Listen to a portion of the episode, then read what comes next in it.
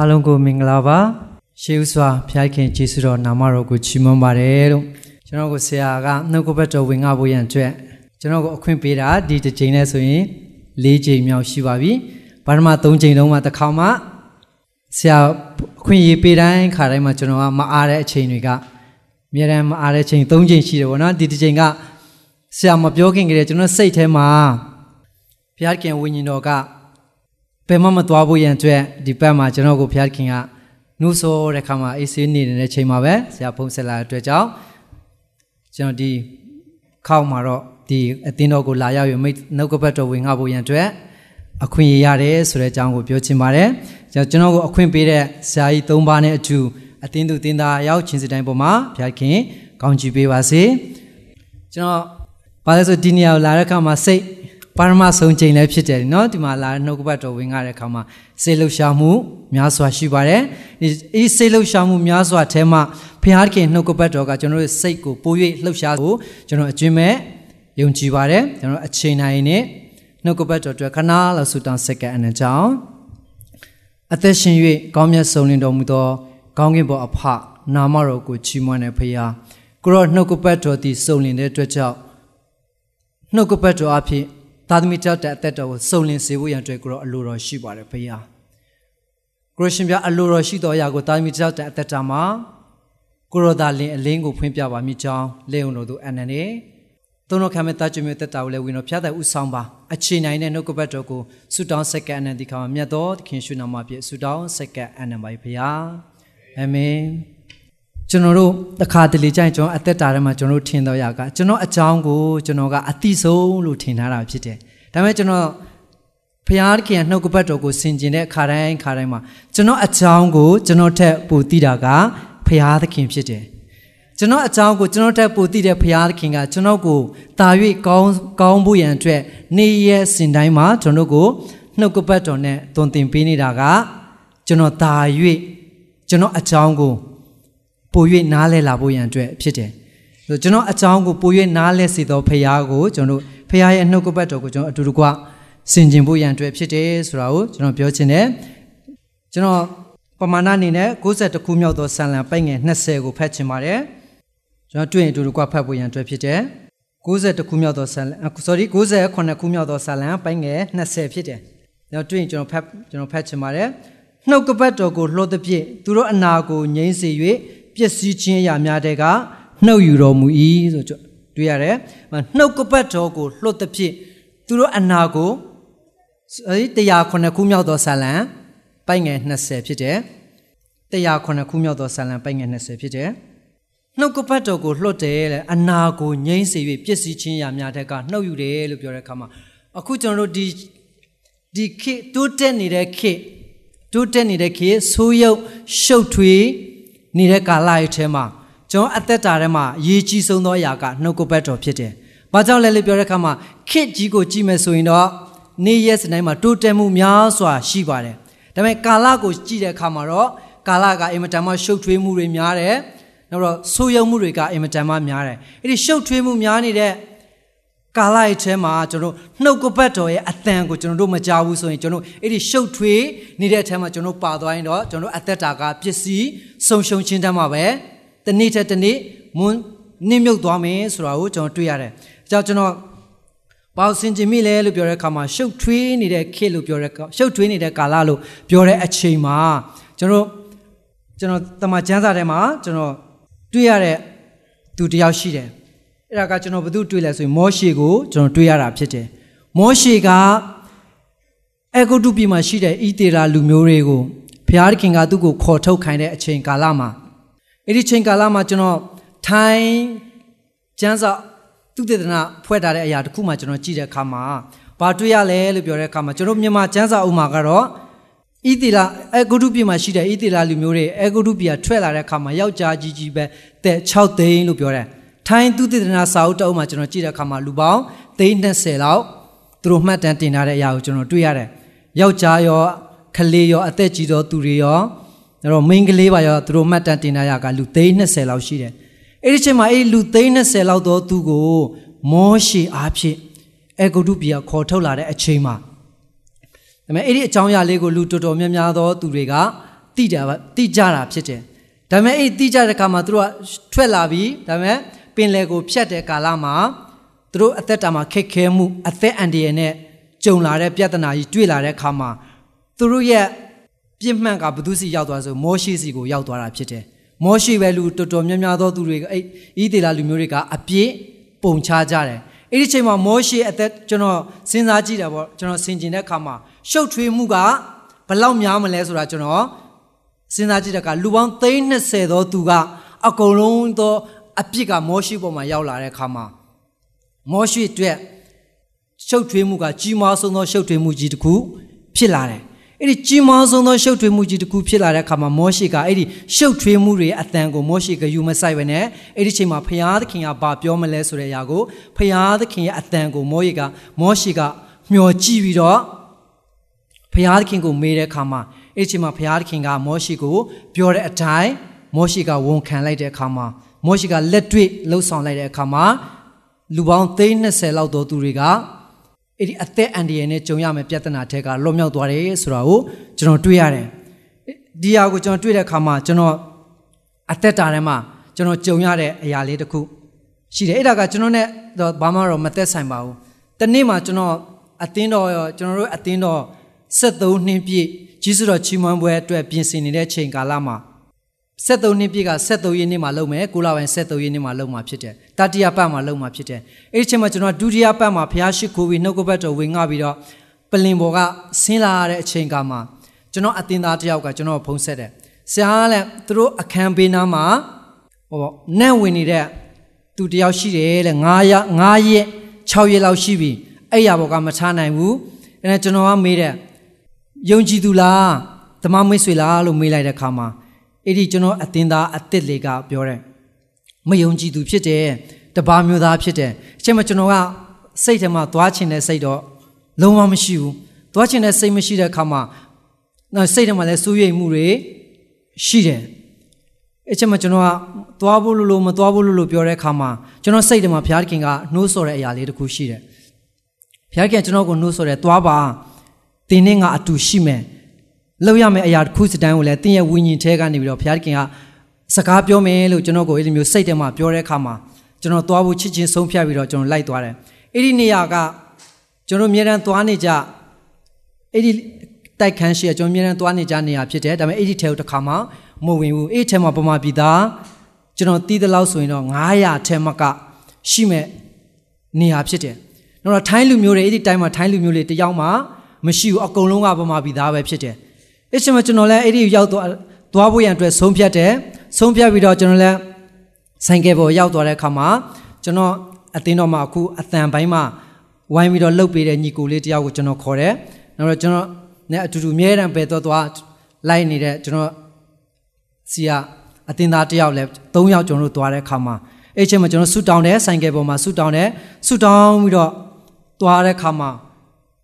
စိုးရိမ်မှုနဲ့သွားတယ်ဒါပေမဲ့ဆူတောင်းခြင်းနဲ့သွားတယ် ဟိုထဲရောက်ရောအခန်းကိုဝင်သွားတော့အဲ့ဒီ9ရက်6ရက်လောက်နတ်ဆိုညင်းဆဲခြင်းခံနေရတဲ့သူကကျွန်တော်လည်းအခန်းထဲကိုရောက်ရောအဲ့ဒီလူကလည်းချစ်ချင်းပဲထားထိုင်တယ်ထားထိုင်ပြီးတော့ကျွန်တော်မေးတယ်နေကောင်းပြီလားလို့ပြောတဲ့အခါမှာကျွန်တော်ကပကတိပျောက်သွားပြီလို့ပြောတယ်အဲ့ချိန်မှာလူအဲ့ဒီတိုင်းမှာရှိတဲ့လူကတော်တော်များတဲ့သူကအဲ့ဒီအခန်းလေးကိုကုံလုံးဘယ်လိုဆိုဝိုင်းထားပြီးတော့အဲ့ဒီဝိုင်းထားတဲ့ချိန်မှာကျွန်တော်စိတ်ထဲမှာတခုပေါ်လာတယ်သူတို့စိတ်သူတို့ သူတို့စီမှာရှိတဲ့လက်ဖွဲ့တွေရှိတယ်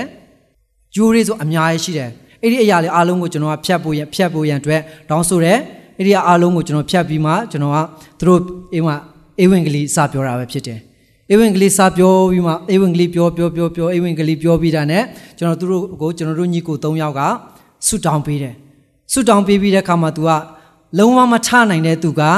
အဲ့ရဘောကထားပြီးတော့ကျွန်တော်ကောင်းပြီးဝန်ခံတယ် ကျွန်တော်ကောင်းပြီလို့ဝန်ခံတယ်အဲ့ရဘောကထားပြီးတော့သူမြန်မာပြည်ပြန်ဖို့ရန်အတွက်ကားကအောက်မှာစောင့်နေပြီသူမကောင်းမချင်းအဲ့ရဘောကမထမချင်းအဲ့ဒီကားကလည်းသူ့ကယ်ရီကလည်းမြန်မာပြည်ကိုခေါ်သွားလို့မရေဘူးကျွန်တော်ဆွတောင်းပြီးတာနဲ့သူလည်းကောင်းကောင်းထားပြီးတော့လမ်းလျှောက်ပြီးတော့ကားပေါ်တက်သွားတယ်ဆိုတာကျွန်တော်တွေ့ရတယ်ကားပေါ်တက်သွားပြီးတော့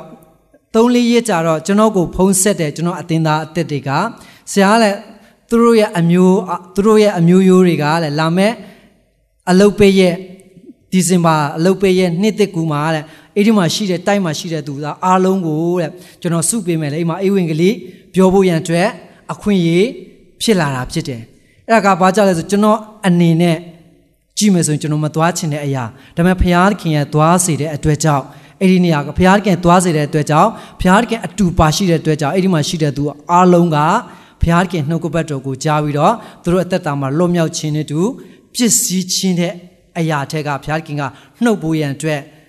မနှင့်ကကူးစိမ့်မှာပြောင်းလဲသွားတဲ့အသင်းသားအားဖြင့်ဒီနှစ်ကသူ့အားဖြင့်နောက်ထပ်များစွာသောသူတွေပြောင်းလဲဖို့ရန်အတွက်ဘုရားသခင်ကကျွန်တော်အသက်တာထဲမှာနှုတ်ကပတ်တော်ကိုပေးခြင်းအားဖြင့်အဲ့ဒီသူတွေလွတ်မြောက်ခြင်းခွင့်ကိုဘုရားခင်ပေးတယ်ဆိုတာကိုတက်တည်ခံချင်ပါတယ်ဒီမှာရှိတဲ့ညီကိုမမရောက်ချင်းစီတိုင်းလဲကျွန်တော်အသက်တာထဲမှာအခုချိန်မှာရှုပ်ထွေးနေတဲ့ကာလ ထဲမှာကျွန်တော်အသက်တာတွေရေးကြီးဆုံးသောအရာကဖျားသခင်နှုတ်ကပတ်တော်ပဲဖြစ်တယ်။အဲ့ဒီဖျားသခင်နှုတ်ကပတ်တော်ကပျက်စီးခြင်းရာများတက်ကနှုတ်ဖို့ရဲ့နှုတ်ယူဖို့ရဲ့အတွက်ကျွန်တော်ကိုနှုတ်ကပတ်တော်နဲ့နေ့ရက်စဉ်တိုင်းမှာတုံသင်တဲ့ဖျားဖြစ်တယ်။အဲကြောင့်ကျွန်တော်နောက်တစ်ခုကျွန်တော်တွေ့တဲ့အခါမှာကျမ်းတစ်ပိုက်ကျွန်တော်ကြည့်တဲ့အခါမှာအဲ့ဒါကဟေရှာယအနာဂတ်ကျမ်းခန်းကြီး55အငယ်7ကိုကျွန်တော်ကြည့်တဲ့အခါမှာဟေရှာယအနာဂတ်ကျမ်းခန်းကြီး55အငယ်7 ကျွန်တော်တွေ့ရင်တူတကွာဖတ်ရအောင်ငါ၏နှုတ်ကပတ်စကားသည်ဖြစ်လိမ့်မည်အကျိုးမရှိဘဲငါထံသို့မပြန်ရငါအလိုကိုပြည့်စုံစေမည်ငါစေခိုင်းသောအမှု၌အောင်လိုက်မည်အဲ့မှာကျွန်တော်ဘာတွေ့ရဆိုရင်ထို့အတူတဲ့ငါ၏နှုတ်ကပတ်စကားသည်ဖြစ်လိမ့်မည်တဲ့ငါ၏နှုတ်ကပတ်စကားသည်ဖြစ်လိမ့်မည်အကျိုးမရှိဘဲငါထံသို့မပြန်ရဘူးလို့ပြောတာပဲဖြစ်တယ်ဆိုရင်ဖျားတကယ်နှုတ်ကပတ်တော်က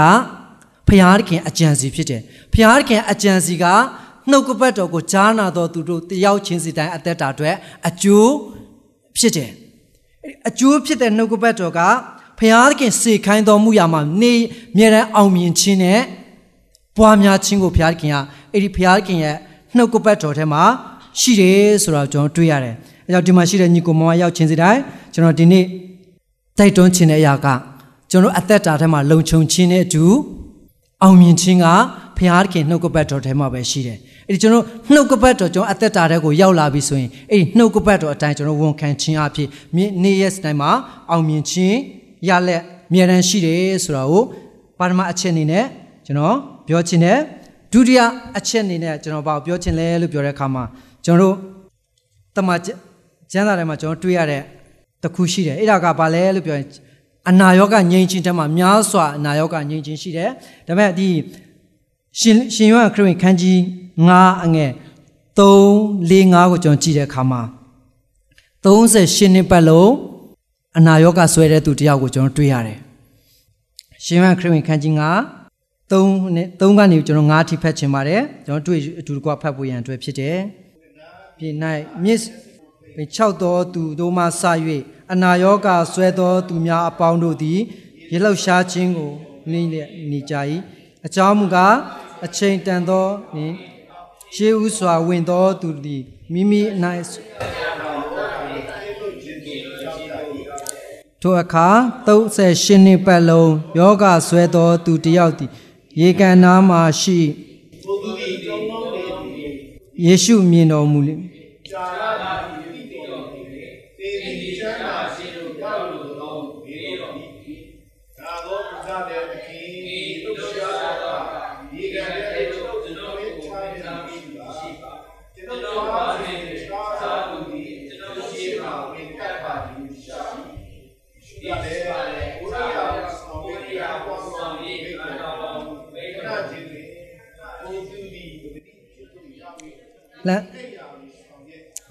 သွားလေ၏ကျွန်တော်အိမ်မှာတွေ့ရတဲ့အရာက38နှစ်ပတ်လုံးအနာရောဂါဆွဲတဲ့သူတယောက်ကိုကျွန်တော်တွေ့ရတယ်အဲ့ဒီမှာကျွန်တော်ဘာတွေ့ရလဲဆိုရင်ကျွန်တော်ဒီမှာလေးကိုရောက်လာတဲ့အခါမှာအဲ့ဒီအနာရောဂါဆွဲသောသူကဘာဝဲမျောလင့်လဲလို့ပြောရင်ကောင်းကင်တမန်ကရေကန်ကိုလှုပ်တဲ့အခါခါဝဲသူကအမြဲတမ်းမျောလင့်တာပဲဖြစ်တယ်ဒါပေမဲ့ကောင်းကင်တမန်ရေဘလို့ပဲဘလို့ပဲလှုပ်လှုပ်ဒါပေမဲ့ရှေ့ဦးစွာဝင်သောသူလို့ပြောတာဖြစ်တယ် ရှေ့ဦးစွာဆိုဝင်သောသူလို့ပြောတဲ့အခါမှာကျွန်တော်အဲ့ဒါဘာမြင်ရလဲလို့ပြောတဲ့အခါမှာရှေ့ဦးစွာဆိုတာတခါလေကြိုင်ကျွန်တော်ထုံတန်းစင်လာနဲ့တူသွားပြီပထမအဆုံးပထမဆုံးလုံးမှဖြစ်မယ်အရင်ဆုံးလုံမှဖြစ်မယ်လူများမလုံခင်ရင်လုံမှဖြစ်မယ်ဆိုတဲ့အရာကထုံတန်းစင်လာဖြစ်သွားပြီထုံတန်းစင်လာဖြစ်တဲ့အတွက်ကြောင့်သူ့ရဲ့မျော်လင့်တဲ့အရာကနောက်ထပ်ယေရှုကပြန်မေးတဲ့အရာရှိတယ်အနာရောဂါပျောက်ခြင်းတလို့လို့ယေရှုက 6မှာမေးတဲ့အခါမှာ तू ကဘာပြောဆိုထုံတန်းစင်လာသူတို့အတိုင်ဝိုင်းအဲ့ဒါပဲ तू ကအရင်ပြောပြတာပဲဖြစ်တယ်အဲကျွန်တော်တို့အသက်တာထဲမှာတခါတလေကျရင်ကျွန်တော်အမြဲတမ်းခံစားရတဲ့အရာလေးတစ်ခုရှိတယ်ကျွန်တော်အခုကျွန်တော်တို့ကျွန်တော်သွားပူတဲ့အသင်းတော်တိုင်းကျွန်တော်သွားပူတဲ့မိတ္တဟာယတစ်ခုချင်းစတိုင်းမှာအဲ့ချက်မှာပြောင်းလဲတဲ့သူရှိသလိုမပြောင်းသေးတဲ့ လဲသေးတဲ့သူလည်းရှိပါတယ်ခါကျရင်တို့ရဲ့ဖះเจ้าကိုလာခြင်းဆုတောင်းခြင်းလှုပ်ဆောင်ခြင်းရာတစ်ခုစတိုင်းကတကယ်ဖះတကယ်နှုတ်ကပတ်တော်နဲ့မဟုတ်ဘဲနဲ့ငါတို့ငငယ်ကလေးခရိယန်ဖြစ်တဲ့အတွက်ကြောင့်ငါတို့လှုပ်ရမယ်ဆိုတဲ့ထုံတန်းစင်လာနဲ့လှုပ်တဲ့အခါမှာထုံလန်းစင်လာနဲ့ဘုရားကျောင်းတက်တဲ့အခါမှာသူတို့အသက်တာမှာထူခြားခြင်းမတွေ့ရဘူးဒီမှာလည်းကျွန်တော်ကြည့်တဲ့အခါမှာသူလည်း38နှစ်ပတ်လုံးအနာရောဂါပျောက်ခြင်းတဲ့အတွက်ကြောင့်ကောင်းကင်တမန်ရေလှုပ်တဲ့အချိန်ကိုပဲမြေရန်မျောလင့်နေတဲ့သူက ရှေ့ဦးစွာဝင်ရမှာဆိုတဲ့အရာကသူ့အသက်တာကိုထုံတန်းစင်လာအတိုင်းဝိုင်းသူ့ရဲ့လှုပ်ထုံလှုပ်နီးကသူအကျိုးမပေးဘူးဆိုတာကိုကျွန်တော်တွေ့ရတယ်အဲ့ချိန်မှာသူ့ရဲ့ထုံနှန်းစင်လာလှုပ်ထုံလှုပ်နီးကအကျိုးမပေးတဲ့အရာကို तू တိသူ့ကိုယေရှုခရစ်တော်ဘုရားကအမိတ်ပေးတဲ့ခါမှာမှသူကကျမ်းမာခြင်းပဂတိကိုရတယ်ဆိုတာကိုကျွန်တော်တွေ့ရတယ်။သူတခါကျရင်ကျွန်တော်အသက်တာထဲမှာထုံနှန်းစင်လာလှုပ်ထုံလှုပ်နီးတွေရှိတတ်တယ်။ အဲ့ဒီလှုပ်ထုံလှုပ်နီးထုံနှန်းစင်လာရှိနေတဲ့သွေးနှုတ်ကပတ်တော်ကကျွန်တော်အသက်တာထဲမှာအလုံးလုံးလို့မရဘူး။အဲကျွန်တော်အသက်တာထဲမှာအလုံးလုံးဖို့ရန်နှုတ်ကပတ်တော်အလုံးလုံးဖို့ရန်အတွက်ဒီထုံနှန်းစင်လာ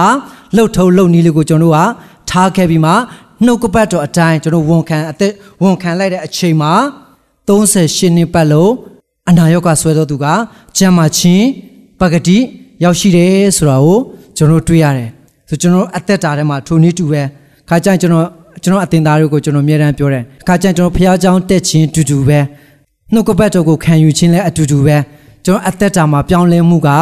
မတူတဲ့အချက်လေးအများကြီးရှိတယ်လို့ကျွန်တော်မြဲတမ်းကျွန်တော်အတင်သားကိုကျွန်တော်ပြောတာပဲဖြစ်တယ်။ခါကျကျွန်တော်အတင်သားကိုကျွန်တော်ပြောရတယ်ကျွန်တော်ကိုယ်ကိုကျွန်တော်လက်ပြန်မေးမိတဲ့အရာတွေရှိတယ်။အဲ့ဒါကကျွန်တော်တစ်ခါကျရင်လှုပ်ထုံလုံနီးတိုင်းအသက်ရှင်တဲ့အခါမှာကျွန်တော်အသက်တာကိုဘုရားခင်ကနှုတ်ကပတ်တော်ကအလုံးလုံး တင်တဲ့လောက်မလုပ်ရတဲ့အခါကကျွန်တော်အသက်တာပေါ်မှာပဲမူတည်တယ်ဆိုတာကိုပြောချင်တာပဲဖြစ်တယ်။ကြောင့်ဒီမှာရှိတဲ့ညီကိုမမရောက်ချင်းစီတိုင်းကျွန်တော်အသက်တာမှာခံစားရတဲ့အရာလေးကိုတွေ့ကြုံရတဲ့အရာလေးကိုကျွန်တော်ဝင်ငါချင်းဖြစ်တယ်။နောက်တစ်ချက်အနေနဲ့ကျွန်တော်ဗာတွေ့ရလဲလို့ပြောတဲ့အခါနောက်တစ်ချက်ကနောက်တစ်ချက်အနေနဲ့ကျွန်တော်တွေ့ရတဲ့အချက်ကကျွန်တော်လူတိုင်းသိတဲ့အရာလေးဖြစ်တယ်။လူတိုင်းသိတဲ့အရာလေးကအဲ့ဒါကရှင်ပေတရုရဲ့အသက်တာဖြစ်တယ်။ရှင်ပေတရုရဲ့အသက်တာမှာကျွန်တော်တွေ့ရတဲ့အရာလေးတစ်ခုရှိတယ်။အဲ့ဒါက လူတိုင်းသိတယ်ပေတရုရဲ့လေကိုယေရှုခရစ်တော်ပြကငှားပြီးတော့များစွာသောသူတွေကိုဆုံးမဩဝါဒပေးတဲ့အရာလေးတစ်ခုကျွန်တော်တို့တွေ့ရတယ်အဲ့ဒီအကိုကျွန်တော်ကြည့်ချင်းအားဖြင့်ကျွန်တော်ဘာသဘောပေါက်လဲလို့ပြောတဲ့အခါမှာပေတရုရဲ့အသက်တာမှာကသူ့ရဲ့ငငယ်ကလေးကငါဖမ်းတဲ့တငါတဲ့သူ့ရဲ့ကျွမ်းကျင်မှုသူ့ရဲ့လှုပ်ထုံလှုပ်နီးသူအကုန်သိပါတယ်ဒါပေမဲ့သူ့ရဲ့ကျွမ်းကျင်မှုသူ့ရဲ့လှုပ်ထုံလှုပ်နီးကသူ့ရဲ့အသက်တာကိုအကျိုးမပေးဘူးအလုံးမဖြစ်ဘူးဆိုတာကို ကျွန်တော်တွေ့ရတယ်အဲ့ချိန်မှာပေတရုကသူ့ရဲ့သူ့ရဲ့လှုပ်ထုံလှုပ်နီးသူ့ရဲ့ကျွမ်းကျင်မှုနဲ့သူကြိုးစားပေမဲ့သူလိုအပ်တယ်ငါမရလာဘူးမဲအချင်းမှာသခင်ယေရှုခရစ်တော်ဘုရားကသူ့ကိုပြောတဲ့အရာဖြစ်တယ်။စကားတော်ပြတ်တော့အခါယဉ်နဲ့ရသူရွှေ့ပါပိုက်ကုံကိုချပါလို့ပြောတဲ့အခါမှာပေတရုကပြောတယ်သခင်ရဲ့ကျွန်တော်ကျွမ်းကျင်မှုကျွန်တော်ရဲ့လှုပ်ထုံလှုပ်နီးတန်ဃာတို့ရဲ့ထုံးစံအတိုင်းကျွန်တော်တညလုံးစူးစမ်းပြီးပြီဒါပေမဲ့တကောင်မှကျွန်တော်မရဘူးသခင်အမိတ်တော်ရှိလျင် ကျွန်တော်လှုပ်ပါမယ်ကျွန်တော်ပိုက်ကုံကိုချပါမယ်လို့ပေတရုကဝန်ခံတဲ့အခါမှာပေတရုရဲ့အသက်တာမှာကျွန်တော်ဘာလို့နားလဲလဲဆိုအောင်ကြီးမားဆုံးသောအောင်မြင်မှုကသခင်ယေရှုခရစ်တော်ဘုရားရဲ့အမိတ်တော်သခင်ယေရှုခရစ်တော်ဘုရားရဲ့စကားနှုတ်ကပတ်တော်ကိုဝန်ခံခြင်းအဖြစ်သူ့ရဲ့အသက်တာမှာများစွာသောအောင်မြင်များစွာသော ကောင်းကြီးမင်္ဂလာနဲ့တူအောင်မြင်ခြင်းကသူ့ရဲ့ကျွမ်းကျင်မှုထက်ဘုရားစကားကိုဝန်ခံခြင်းအဖြစ် နှုတ်ကပတ်တော်ကိုလက်ခံခြင်းအဖြစ်နှုတ်ကပတ်တော်အတိုင်းလိုက်လျှောက်ခြင်းအဖြစ်